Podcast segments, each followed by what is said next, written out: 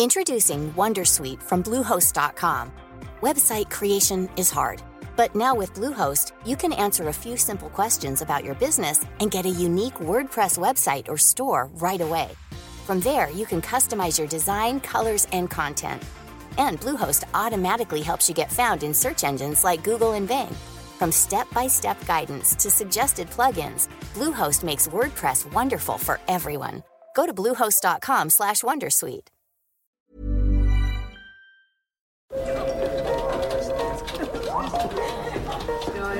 Dette er lyden av norsk næringsliv. Akkurat nå tas det små og store valg som kan bli avgjørende for fremtiden. Med økonomisystemet X-Leger tas disse beslutningene basert på informasjon i sanntid, slik at drømmer og ambisjoner kan bli virkelighet. Få kontroll og oversikt, gå inn på xledger.no. Denne sendingen er sponset av Xleger.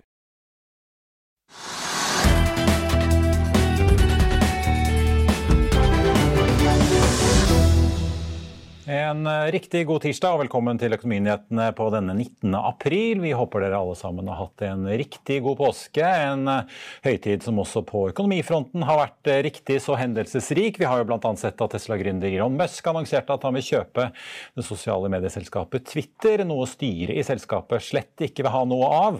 Men som Street Journal har meldt i går kveld, så er nå oppkjøpsfondet Apollo i gang med å vurdere å støtte dette oppkjøpet. Apollo er jo fra før da Yahoo. I tillegg så ble det også kjent i påsken at Orkla fikk ny sjef. Jan Ivar Semlitz rakk nesten å sitte tre år i sjefsstolen under styreleder og storaksjonær Stein Erik Hagen, før han gikk på dagen mandag 11. april. Inn kom Stein Erik Hagens mangeårige forretningspartner og Kanika-topp Nils Selte. Hagen skrev i en melding til markedet og aksjonærene at Orkla nå går inn i en fase der det trengs en ny form for ledelse.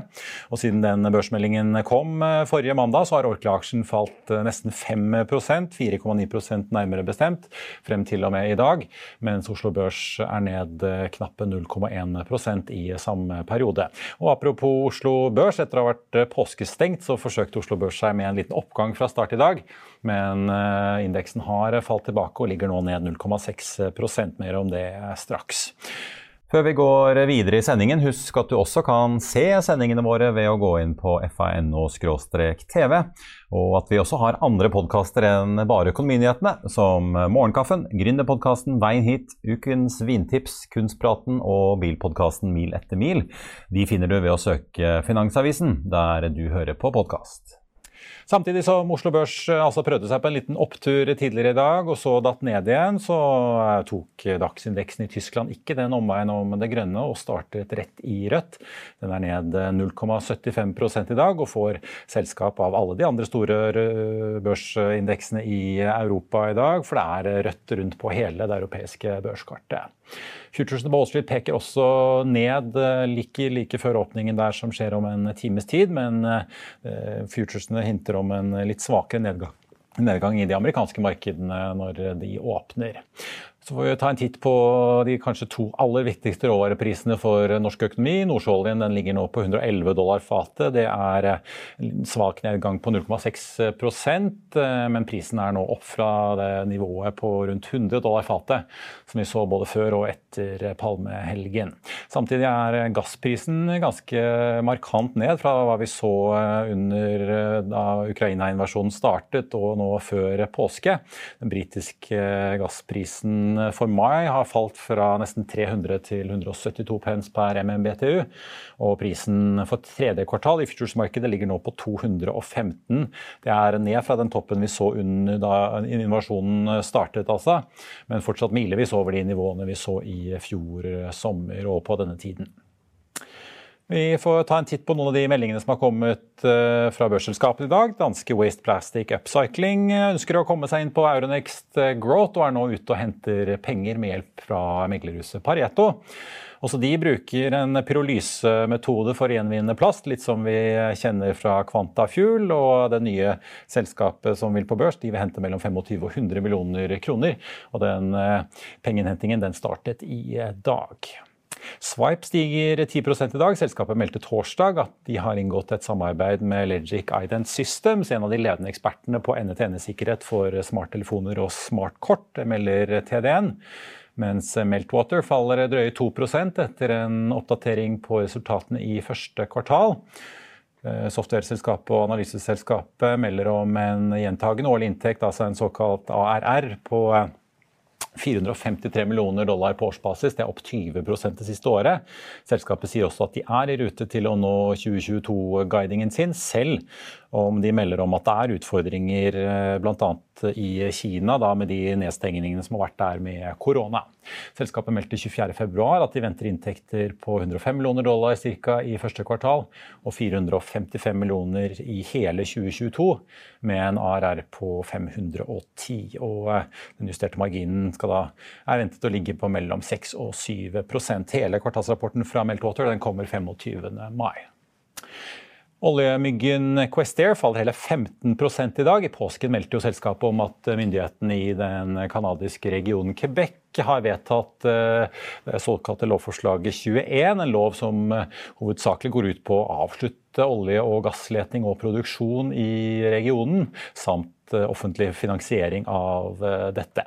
Mens selskapet venter på at loven skal tre i kraft, så vil de nå ifølge konsernsjefen vurdere sine juridiske alternativer. Litt tidligere i vinter så husker vi jo at eh, Quester varslet og snakket om at de forventet å motta nærmere 1,2 milliarder kroner i kompensasjon for det som da kunne klassifiseres som en ekspropriasjon fra canadiske myndigheter. Men i mars i år ble det klart at den forventede erstatningen foreløpig er skrevet ned til null i regnskapet.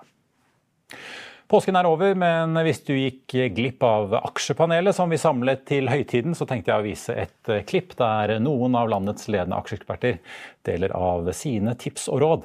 Bare se her. Det har vært en veldig urolig vinter. Hva kan vi ta med oss eh, fra, fra den vinteren med krig, ubalanser og inflasjonssjokk? Eh, jeg tror den største lærdommen det er at det er ekstremt vanskelig å time markedene. Eh, er det noe vi har sett denne vinteren her, så er det hvordan psykologi eh, påvirker markedet.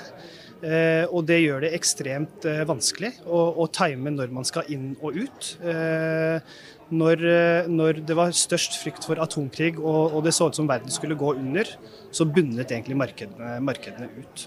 Så timing er ekstremt vanskelig. Det er viktig å ha en langsiktig plan og holde seg til den. Jeg tror det er eh, mye det at eh, de gamle reglene fortsatt eh, gjelder, og at det er tyngdekraften til slutt som egentlig har noe å si. Så Ser man tilbake til et gammelt ordtak, så er det sånn at på kort sikt så er aksjemarkedet en popularitetsmaskin, eller en voting machine. På lang sikt så er det en weighing machine. Så det er liksom hvor, hvor, er liksom substansen som egentlig gjelder? Og Vi har sett at mange av disse litt luftigere aksjene har slitt en del nå. Mens det er de gamle traverne som er de som har klart seg aller best nå de siste, siste månedene. Det vi bør lære, er behovet for fleksibilitet. Altså Verden endrer seg, og det som var riktig for et halvt år siden, det kan være helt feil i dag. Og i løpet av vinteren så har jo ting skjedd veldig fort, og med kraftig virkning for børsen. Så behovet for fleksibilitet, det er det ene punktet man skal lære av det som har skjedd de siste seks månedene. Og har du da et eh, aksjetips, eh, gjerne til den som vil ta litt eh, risiko? Absolutt, og eh, jeg vil anbefale oljerelaterte aksjer. Og eh, særlig Equinor er fremdeles billig i forhold til hvor oljeprisen befinner seg. Og eh, oljeprisen var på vei oppover allerede før russisk invasjon av Ukraina. Så dette er en trend som begynte uavhengig av den politiske begivenheten. I tillegg til det så vil jeg anbefale på en svensk stålaksje, SSAB, som er priset på veldig lave multipler. Prisene er på vei oppover, og de har en historikk på å være bransjeledende med nye produkter som også kan være spennende for de som har lyst til å ta et risiko. For den risikoaverse så har jeg et uh, stalltips. Det er danske Novo Nordisk, som er en produsent av medisiner mot diabetes og fedme. et av de, faktisk det største selskapet i Norden. Og de kommer til å ha sterk etter, etterspørselsvekst etter deres produkter i mange år fremover. Og er et supersolid selskap som du egentlig kan bare putte i skuffen enten for din egen pensjon eller, eller til barna dine. Ja, så Er man villig til å ta å si, mer enn bare litt risiko, kan man kanskje si, så syns jeg Norwegian ser egentlig interessant ut. Så eh, det er jo et selskap nå som er helt annerledes enn det det var for uh, halvannet år siden. Så jeg har restrukturert uh, balansen. Det er mye etterspørsel etter uh, reise, og der er man ikke like utsatt innenfor corporate-segmentet. Så det er noe som er litt gunstig, tror jeg. At det er mye etterspørsel etter fritidsreiser, samtidig som den mer bedriftsdelen holder seg litt, litt tilbake. Så det syns jeg er et spennende case. Det er absolutt høy risiko. Og så får vi se hva som skjer med oljeprisen, om det kommer til å funke eller ikke. Og apropos eh, fly, Norwegian-aksjen er opp 3 eh, i dag, mens Equinor er ned 1,6% til 337 kroner. Og hvis vi holder oss litt til olje- og råvarerelaterte aksjer, så er PGS også en av dagens vinnere, opp 10 Eh, det samme er også Golden Ocean, tørrlastrederiet til Jon Fredriksen. De er opp 10 i dag og en av børsens mest omsatte aksjer. Den aksjen steg jo ganske mye i det amerikanske markedet, der den også er notert i påsken, men da hadde jo Oslo Børs ferie. Så det er vel en liten sånn etterslenger og et lite oppgjør som skjer der. Og den aksjen er jo da opp 44 Eh, så langt i år, eller over 55 hvis vi regner med utbyttene som har blitt eh, utbetalt. Et par andre nyheter som er verdt å ta med i dag. Eh, Aker, det Aker-dominerte verftskonsernet Philly Shipyard stiger nesten 4% Mandag meldte selskapet at de skal bygge det siste av fem nye opplæringsskip for den amerikanske marinen. En kontrakt som har vært nærmere 300 millioner dollar, eller 2,6 milliarder kroner med dagens kurs.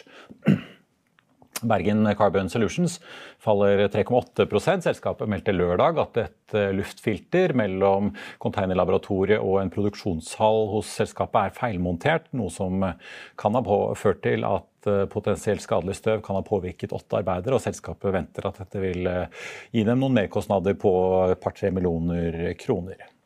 Og så får vi også nevne at eh, Autostore, altså et eh, robotlagerselskapet, faller 4,5 i dag til snaue 25 kroner aksjen. Sparebank Markets er ute og kutter kursmålet sitt kraftig fra 45 til 28 kroner, men beholder sin nøytral anbefaling. og Dermed legger meglerhuset seg helt i bunn av kursmålene på analytikerne som følger selskapet. Mens eh, mange av oss eh, føler at korona nå er litt over, så er ikke situasjonen helt slik overalt. I påsken kunne vi jo se de ganske sterke videoene og bildene som spredte seg på nett av frustrerte innbyggere i Shanghai, som opplevde å bli regelrett sperret inne i sine egne boliger av kinesiske myndigheter. Og frustrasjonen har jo bygget seg opp mot myndighetenes ganske knallharde nulltoleranse mot koronaviruset. Samtidig fikk vi denne uken ferske tall fra Kina som viste en økonomisk vekst på 4,8% i første kvartal. Det er over forventningen på 4,2 Men som Bloomberg rapporterer, så har Kinas sentralbank nå satt i gang en rekke med nye tiltak for å stimulere økonomien i landet, samtidig som da myndighetene også iverksetter disse nedstengingene. Bare se her. China's central bank has also announced a spate of measures to help an economy which has been hit by lockdowns to control the current COVID outbreak. But the focus on boosting credit likely means the chances for broad based easing are shrinking. Well, joining us now to talk about all of this is our chief Asia economics correspondent. He is Enda Kura. Enda, thank you so much, as always, for joining us. So tell us a little bit about some of these measures. What's the ultimate goal here? Well, there are 23 measures in total, Francine. It's quite sweeping. We're talking really about the central bank getting money into the real economy. So it's through measures to get money to the farming sector, for example, to get money to businesses that have been hurt by the COVID lockdown. So that might be the tourism and hotel industry. They're talking about channeling money into the logistics industry, like t- truck drivers, for example. So these are fairly micro measures, 23 in, in total. Uh, the biggest kind of sweep of measures measures on this scale since, in fact, the pandemic, pandemic began. They, they rolled out similar measures back in early 2020. But what it does show you is that they're not taking kind of a broad brush, let's cut interest rates type approach that you might think might be the conventional response. They're really going for channels or looking for ways to funnel money into the real economy, into those parts of the economy that need it most. And of course, we know why they are doing that. The lockdowns are causing significant disruption across the board. We saw the consumer mm. data, consumer retail sales data for March, for example, there is pain in consumers, and it's clear now the authorities acknowledge that and they're trying to respond. So uh, the GDP numbers that came out yesterday and uh, were pretty decent. Why is the government seemingly rolling out so many measures? Well, you know, on a benign read of those numbers, Francine, you could say, look, that kind of predates a lot of the disruption that started to happen through March and certainly the end of March when COVID really took off around the country. I think there's no doubt, though, the second quarter is going to be a different story.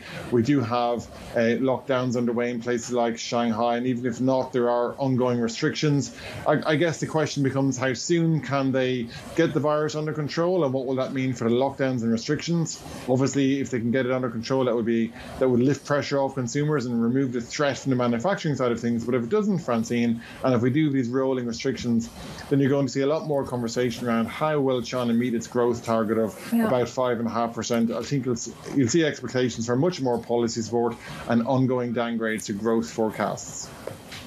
And uh, what's the situation like in Hong Kong? Do people have enough food? Or are the restrictions as bad as certain parts of mainland China? Well, restrictions are expected to begin gradually easing this week. In fact, Francine, uh, on, on the ground, for example, schools are going to reopen on a phased basis, and there will be some phased relaxation on restaurants opening for later hours, and I think it's going to be four per table and, and that kind of thing.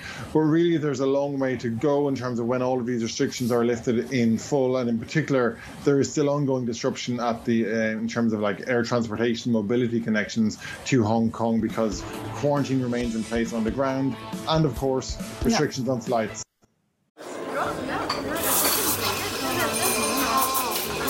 Dette er lyden av norsk næringsliv. Akkurat nå tas det små og store valg som kan bli avgjørende for fremtiden. Med økonomisystemet X-Ledger tas disse beslutningene basert på informasjon i samtid, slik at drømmer og ambisjoner kan bli virkelighet. Få kontroll og oversikt, gå inn på xledger.no. Denne episoden er sponset av van Brun, en fremtredende smykkeforhandler kjent for sitt brede utvalg av forlovelsesringer, gifteringer og diamantsmykker som bæres og elskes i generasjoner. Et frieri er en av de største øyeblikkene i livet, hvor forlovelsesringen er et tidløst symbol på kjærligheten. Valg av ring krever omtanke for både hvilket metall og diamant, med et bredt spekter av både naturlige og labdyrkede diamanter, og metaller som platina, gult gull, hvitt gull og roségull, hjelper de deg med å sette et personlig preg på din kjærlighetshistorie. Van Brun vil gjerne invitere deg til å prøve på tre av dine favorittringer fra nettsiden helt kostnadsfritt. Du kan også låne et bredt spekter av frieriringer, slik at du og din forlovede kan velge en ring sammen etter det store ja. Van Brun tilbyr 90 dagers åpent kjøp og 90 dagers gratis størrelsesjustering. Utforsk deres eksklusive sortiment i luksuriøse omgivelser. Bok en konsultasjon sammen med en diamantekspert i deres showroom i Oslo. Eller online på vanbrun.com. V-a-n-b-r-u-u-n.com. Og da skal vi over til eh, dagens eh, gjest. Tvungen eh, norgesferie og lave renter sendte hyttemarkedet inn i høygir i 2020 og 2021. Og aldri før har det blitt solgt så mange hytter som i denne perioden. Men hva skjer nå som man igjen kan feire både påske og ta sommerferie i Alicante eller NIS? Velkommen til oss, Tone Cecilie Krange, hyttesjef i DNB Eiendom. Tusen takk. Du, nå hadde våre venner i Rosa papir i dag også eh, stort oppslag om hytteprisene. Prognosesenteret har jo, var jo, som følger veldig med på dette her, var jo før påske ute og snakket om 10% prisvekst så langt i år sammenlignet med i fjor. Nå sier de 12 eh, Hvordan står det egentlig til i dette hyttemarkedet, litt sånn eh, overordnet? Jo, altså nå er, føler jeg vel at vi er litt mer tilbake til normalen. Vi har hatt to helt sinnssyke år hvor alt som remmer og tøy kan holde, er blitt solgt. Eh, og nå er vi mer tilbake til normalen. Hyttemeglerne våre sier at eh, det er færre på visning. Eh, Sånn generelt. Eh, Og at de er mer selektive, de som er der ute. Det er, det er liksom ingen som har dårlig tid lenger. eh, Og må ha nå Må ha hytte nei, til sommerferien eller juleferien? Nei. Eller, nei. Så, og påsken er en sånn tid hvor, hvor det roer seg litt, folk gjør andre ting. De vil hygge seg. Det er ikke akkurat en salgstid. I hvert fall ikke for fjellhyttene, og det fjellhyttemarkedet har roet seg litt. Og så ser man jo em, man ser jo noen konturer av, av høye priser generelt. Da. Altså, det er økte drivstoffpriser, det er økte strømpriser. Det snakkes om eiendomsskatt i veldig mange kommuner, og også økt eiendomsskatt. Så, så jeg tror folk er litt sånn roligere nå. Det er i hvert fall vårt, eh, vår tilbakemelding. Ja, for det var kanskje mange som så sitt snitt i de siste par årene som satt på hytter med god beliggenhet og så sitt snitt og kanskje selge med god timing? Ja. Vi så spesielt i sjøhyttemarkedet i fjor at veldig mange av de eh, flotte sjøeiendommene som har ligget i familiens eie i mange, mange år, de gikk uh, fordi at de tenkte nå går, er prisene så høye, og nå er vi tynet maks. Så dyrt igjen? Nei. så, så, vi så mange av de flotte eiendommene som egentlig ikke har vært ute på markedet, som ikke er ute på markedet så ofte. Så, så, det så vi ikke i sjømarkedet. Og så har det begynt så vidt, dette sjøhyttemarkedet har begynt så vidt å røre på seg. Og, og der er det litt annerledes. For det er jo et ja, for Er det litt sånn sesongen at folk kjøper hytte på fjellet i vinterhalvåret eller fra etter sommerferien utover? og Altså, to... Og som sjøhytte fra Posten, eller? Nei, altså de, hva skal jeg si, de perlene de er jo folk på jakt etter hele tida. Det er et spesielt marked.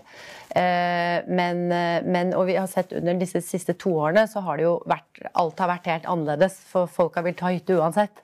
Så, så det, har, det, har, ikke vært noe tid. Men akkurat påske og jul liksom med røde dager, da er det liksom ikke det største trøkket. Men fjellhyttemarkedet avtar litt nå, og så tar det seg litt opp igjen. Så begynner folk å planlegge, og så er det høsten eh, som eh, det begynner å røre på seg igjen.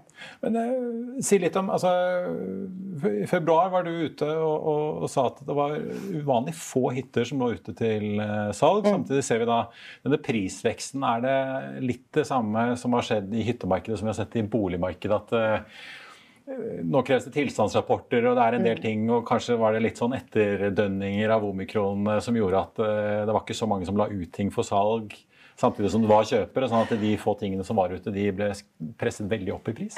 Ja, det er nok uh, mange faktorer som gjør at hyttemarkedet også har sett litt likt ut som boligmarkedet. Eh, tilstandsrapporter er én ting, men også at, at, markedet har endret seg litt, og at folk har blitt litt mer forsiktige. Og så er det jo flere som sier nå at kanskje markedet, i hvert fall fjellhyttemarkedet, kanskje er litt mettet. Prisene har økt såpass kraftig at det er ikke egentlig bare å snu seg rundt for, for vanlige folk. Ehm, så, men at prisen øker og at det er et, et, mindre utbud. Selv om jeg var inne og så nå sammenlignet uh, siste måned versus i fjor, så ligger, er det liksom ikke så store forskjeller. Det, det ligger ganske mye ute nå, faktisk. Det er ikke så stort avvik på det. Så, så, vi har jo tømt alle lagrene. Uh, for, for, det har tatt lang tid og normalt å selge hytter. Altså snakker vi om alle typer hytter i Norge. Eh, men nå har, de, har vi jo, tømte vi jo lagrene, men nå kanskje vi begynner å bygge opp lagrene litt, så vi har eh, flere hytter i, i porteføljene. At ikke alt bare blåses ut med en gang. Så det hvor mye har dette å si med de økte Du snakket jo litt om økte priser. En ting er jo at forbrukerne merker selv på lommeboken av disponibel inntekt, men altså, de som bygger og pusser opp, eh, får jo også ganske mye høyere kostnader nå enn for bare et år siden. Ja. Eh, så dyr planka blitt og alt mulig, egentlig. Ja. Slår det ut også i prisene på nybygg eh, og oppussingsobjekter? Ja, Særlig nybygg. Vi ser igangsettingstillatelser. Altså hvis vi sammenligner, Det er et kort intervall fra, fra 1.1. til i dag. Så ser vi at særlig igangsettelsestillatelse på leilighetsbygg på fritidsmarkedet er eh, markant ned. Eh, og det, det, det, er jo klart at alle disse tingene gjør jo at ting har blitt fryktelig dyrt. Eh, og, det, og utbyggerne skal ha sin cup av det. så så ja, jeg, tror, jeg, tror, at markedet nå er, blir mer selektivt, og at det, det, roer seg litt, og at vi er tilbake på normalen. Hvor stor denne prisveksten blir. Altså Det er jo forskjellig segment. Ja, for er, Vi, vi snakket om 10-12% men ja. det er jo veldig store sprik kanskje internt i om du ligger eh, liksom midt i blindleia eller liksom akkurat på Tjøme, der hvor det er hottest å være, versus Storade bak eller på naboøyen. Ja. Så det som har hatt faktisk størst prisvekst, tro det eller ei, det er innenlandshytter. Det er de som har økt mest i pris prosentvis. Så, så, men, men, jeg tror det, det Hva er det symptom på, tror du? Er det... Nei, Det er jo fordi at de var ganske billige før pandemien. Veldig mange av disse innenlandshyttene. Og så har de plutselig blitt attraktive fordi at de har kostet sånn kanskje rundt 1 million, 1,5. Så, så, det har vært mange som kunne kjøpe. Så, en annen ting som jeg har lyst til å si, er at uh, når det gjelder disse sjøhyttene, uh, selvfølgelig fjellhyttene, men de er jo, bærer litt mer preg av at de har kunnet vært brukt hele året, fordi de er bygget for uh, vinter. Men vi ser også nå at etterspørselen i sjøhyttemarkedet er mer at folk vil være, tilbringe mer tid. De har større krav til standard. Også på, noe vi har snakket mye om hyttekontor. da. Ja, for det, det, er jo selvfølgelig, Nå kan man jo stort sett få ganske bra bredbånd uansett hvor man er med, ja. med mobilnettene vi har i Norge. Men uh, Ja, Har kravene endret seg litt til folk? Det var jo lenge sånn at folk ønsket jo innlagt vann og strøm gjerne helst. og Kabel-TV var det jo i gamle dager, men, ja. men, har koronaen gjort at folk vil ha litt mer plass til å faktisk ha et eh, kontorhjørne i hytta? Ja. Og, og, og, folk kjøper hytte. altså Det gjelder egentlig alle hyttemarkeder for å være sammen med venner og familie. Og vi ser også at folk eh, mer enn nå kjøper der hvor andre i familien eller venner har hytte, altså i større grad enn før. De vil tilbringe mer tid, og også dette med, med hyttekontoret. da. Eh, men det er klart at mange av disse sjøhyttene er jo ikke eh, alltid vinterisolert, og det er mange steder det ikke er lov å være der om vinteren òg. Men, men, det er klart at de kravene har man. Men finner man perlen, så må man nok eh, gjøre en del sjøl, ja, ja. For at det skal bli bra. Men hva, hva er koronaeffekten nå som man kan begynne å fly til ja, Alicante, Malaga og Nis igjen? da? Det... Vi har nok merket litt på det nå. At folk, fordi folk har begynte begynt å reise litt mer igjen, og at det ikke er så skummelt. At, eh, at kanskje, den etterspørselen har kanskje avtatt på grunn, noe pga. det. Men eh, flere av hyttemeglerne våre sa at når det brøt ut krig i Ukraina, så var det som å trykke på, på bremsen, altså. Eh, og så eh, får folk det sjokket som kom, og så har det roa seg litt. Og nå er det litt, litt mer aktivitet. Men på sjøhyttemarkedet så er det jo de, de, få som er blitt lagt ut nå, har det jo vært veldig stor rift om. Altså mange vil på visning der. Mer enn på fjellet nå, da. Ja, fordi, men det er jo et ganske annerledes marked ved sjøen enn ved fjellet, i hvert fall i Norge med den reguleringen vi har. For det er jo ikke mm. sånn at det, det reguleres jo ikke ut masse tomter eh, rundt omkring på holmer og skjær eh, på den måten vi ser eh, i Fjell-Norge, hvor det stadig er nye byggefelt. Mm. Og stadig nye hytteprosjekter man kan kjøpe seg inn i hvis man vil det. Hvor, måte, hvordan slår det seg ut over tid? Blir det da mye høyere prisvekst? Ja langs sjøen? Ja, jeg tror det sjøhyttemarkedet pga. alle reguleringer, og det blir bare strengere og strengere. Og det blir også vanskeligere å utvikle de uh, hyttene man har på Holmer og skjær. Så jeg tror at uh, det er et knapphetsgode som egentlig kommer til å øke mer i pris enn noe annet. Ja, At det er et safere, på en, måte, en safere eiendel egentlig enn hytte på fjellet? Ja. sånn sett. Men så er det jo også sånn at uh, under pandemien så var det jo mange av disse Bare du hadde et lite sjøglimt, så gikk jo alt egentlig ganske høyt. Men der er nok folk blitt enda mer selektive igjen. Men det er også sånn at finner du noe du liker som har en bra beliggenhet ved sjøen, så, og man har mulighet, så smell til. Ja. Tror, ja. Men er det sånn dere har noen sånn prognose i det med for hva dere forventer i år, eller er det litt sånn at dere må dele opp i, i ja, på fjellhytter regner vi sånn, og sjøhytter regner vi sånn? Ja, Prognosene på Prognosesenteret tas av andre, men, eh, men, vi tror på en prisvekst. Men hvor voldsom den blir, det, det, er litt sånn vanskelig å si. Men jeg tror det, det har roa seg litt, så jeg tror det kommer til å, å flate litt ut og bli moderat. I hvert fall der hvor det er tetthet av hytter, og der hvor det kanskje har ligget høyt i pris. Det er jo mange selgere nå som har fått uh, litt blod på tann da, og sett hva naboen har fått, og, og sånn. og det Eh, det er ikke alltid like enkelt å være hyttemegler i et sånt marked. Så, så, nå handler det egentlig mer om å, å se det litt an. Og, og, men gode priser får man jo på det som er attraktivt. Sånn er det jo alltid. Ja, Så lenge man har tid. Ja. ja. ja så er det kanskje sånn eh, at det var kanskje lettere å få de ville prisene i fjor enn det er i år. Ja, ja. det tror jeg. Hvor mye svir egentlig denne eiendomsskatten? Eh, man kan jo støtte stadig lese oss også i andre medier om eh, mange sånne skrekkeksempler på hvor mye den har økt for mange, til mange mange tusen i året for enkelte. Det som er så skummelt med den eiendoms... Hvor, liksom, hvor stor er den jokeren egentlig når dere sitter og gjør analyser av markedet? Det, er vel egentlig summen av alt. Eh, den eiendomsskatten på toppen føles jo veldig urettferdig. Og når du først er innført eiendomsskatt, så det, blir den jo økt og økt hvert år. Så det er, det er en forferdelig skatt. Eh, men, eh, men, men, det er vel egentlig summen av alle eh, økte kostnader som, som avgjør det. Ja. Så den isolert sett, for den er jo ikke overalt. Så, så, men at det har en betydning, ja, definitivt. Tør du, Hvis vi sier 12 nå da, på sjøhyttene så langt i år, hva tror du det ender med i år? da? Nei, jeg, hvis du skal komme en personlig påstand? Nei, det, det, det, kommer jo så veldig an på, på, markedet, og så er jo sjøhøytene også veldig Det er veldig spredt og veldig forskjellige priser, men kanskje en 13-14% ja. Ganske god investering for de som kjøpte i fjor, da, hvis de har lyst til å selge kanskje neste år igjen. Tone Cecilie Krange i DNB Eiendom, takk skal du ha, og får vi si god hyttesommer nå som påsken er over. Tusen takk. På Oslo Børs eh, nå så er hovedindeksen ned fortsatt. 0,66% til 1274 poeng, og dermed blir det ingen ny rekord på Oslo Børs, slik vi så på onsdag i forrige uke. Meltwater faller halvannen prosent i dag. De har jo da kommet med en oppdatering på første kvartal, hvor de da bl.a. mente at de var i rute til å nå to, prognosene sine for 2022, selv om det har vært noen utfordringer i Kina da med nedstengningen som har vært der. Oljeselskapet DNO faller 1,1% også de har kommet med litt nøkkeltall for første kvartal. Mens Norwegian, altså, som ble nevnt av aksjepanelet vårt, opp 3,2 i dag. Og får vi også ta med at SAS-aksjen stiger hele 7% En flyaksje der vi jo venter på at det kanskje vil komme en restrukturering nå i løpet av våren. Og så får vi også ta med at EAM Solar, som har sett en liten oppdatering på den rettsprosessen de står oppe i, eh, om da den forestående rettssaken i Oslo tingrett. De er ned 0,9% i dag. Oljeprisen har trukket seg enda bitte litt nedover nå. Ligger ned 100, ja, et par prosent til 109 dollar og 60 cent i spotmarkedet for et fat nordsjøolje. Den amerikanske lettoljen ligger på 103 dollar og 70 cent. I påsken så har jo Trygve Egnar skrevet om både tariffoppgjøret og de enorme overskridelsene på Fornebubanen her utenfor kontoret.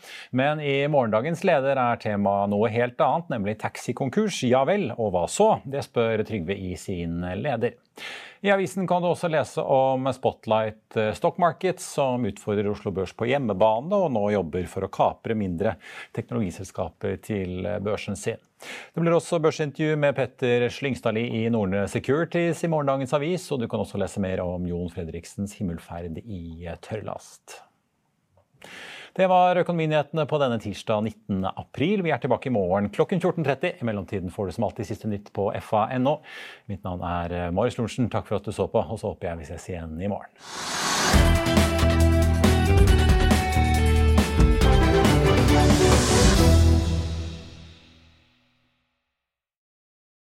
Denne sendingen er sponset av Xleger. Økonominyhetene er en podkast og videoproduksjon fra Finansavisen. Programleder er Marius Lorentzen. Aksjekommentator er Karl Johan Molnes. Produsent er Bashar Johar. Podkast- og videoansvarlig er Marius Mørk Larsen. Og ansvarlig redaktør er Trygve Hegnar.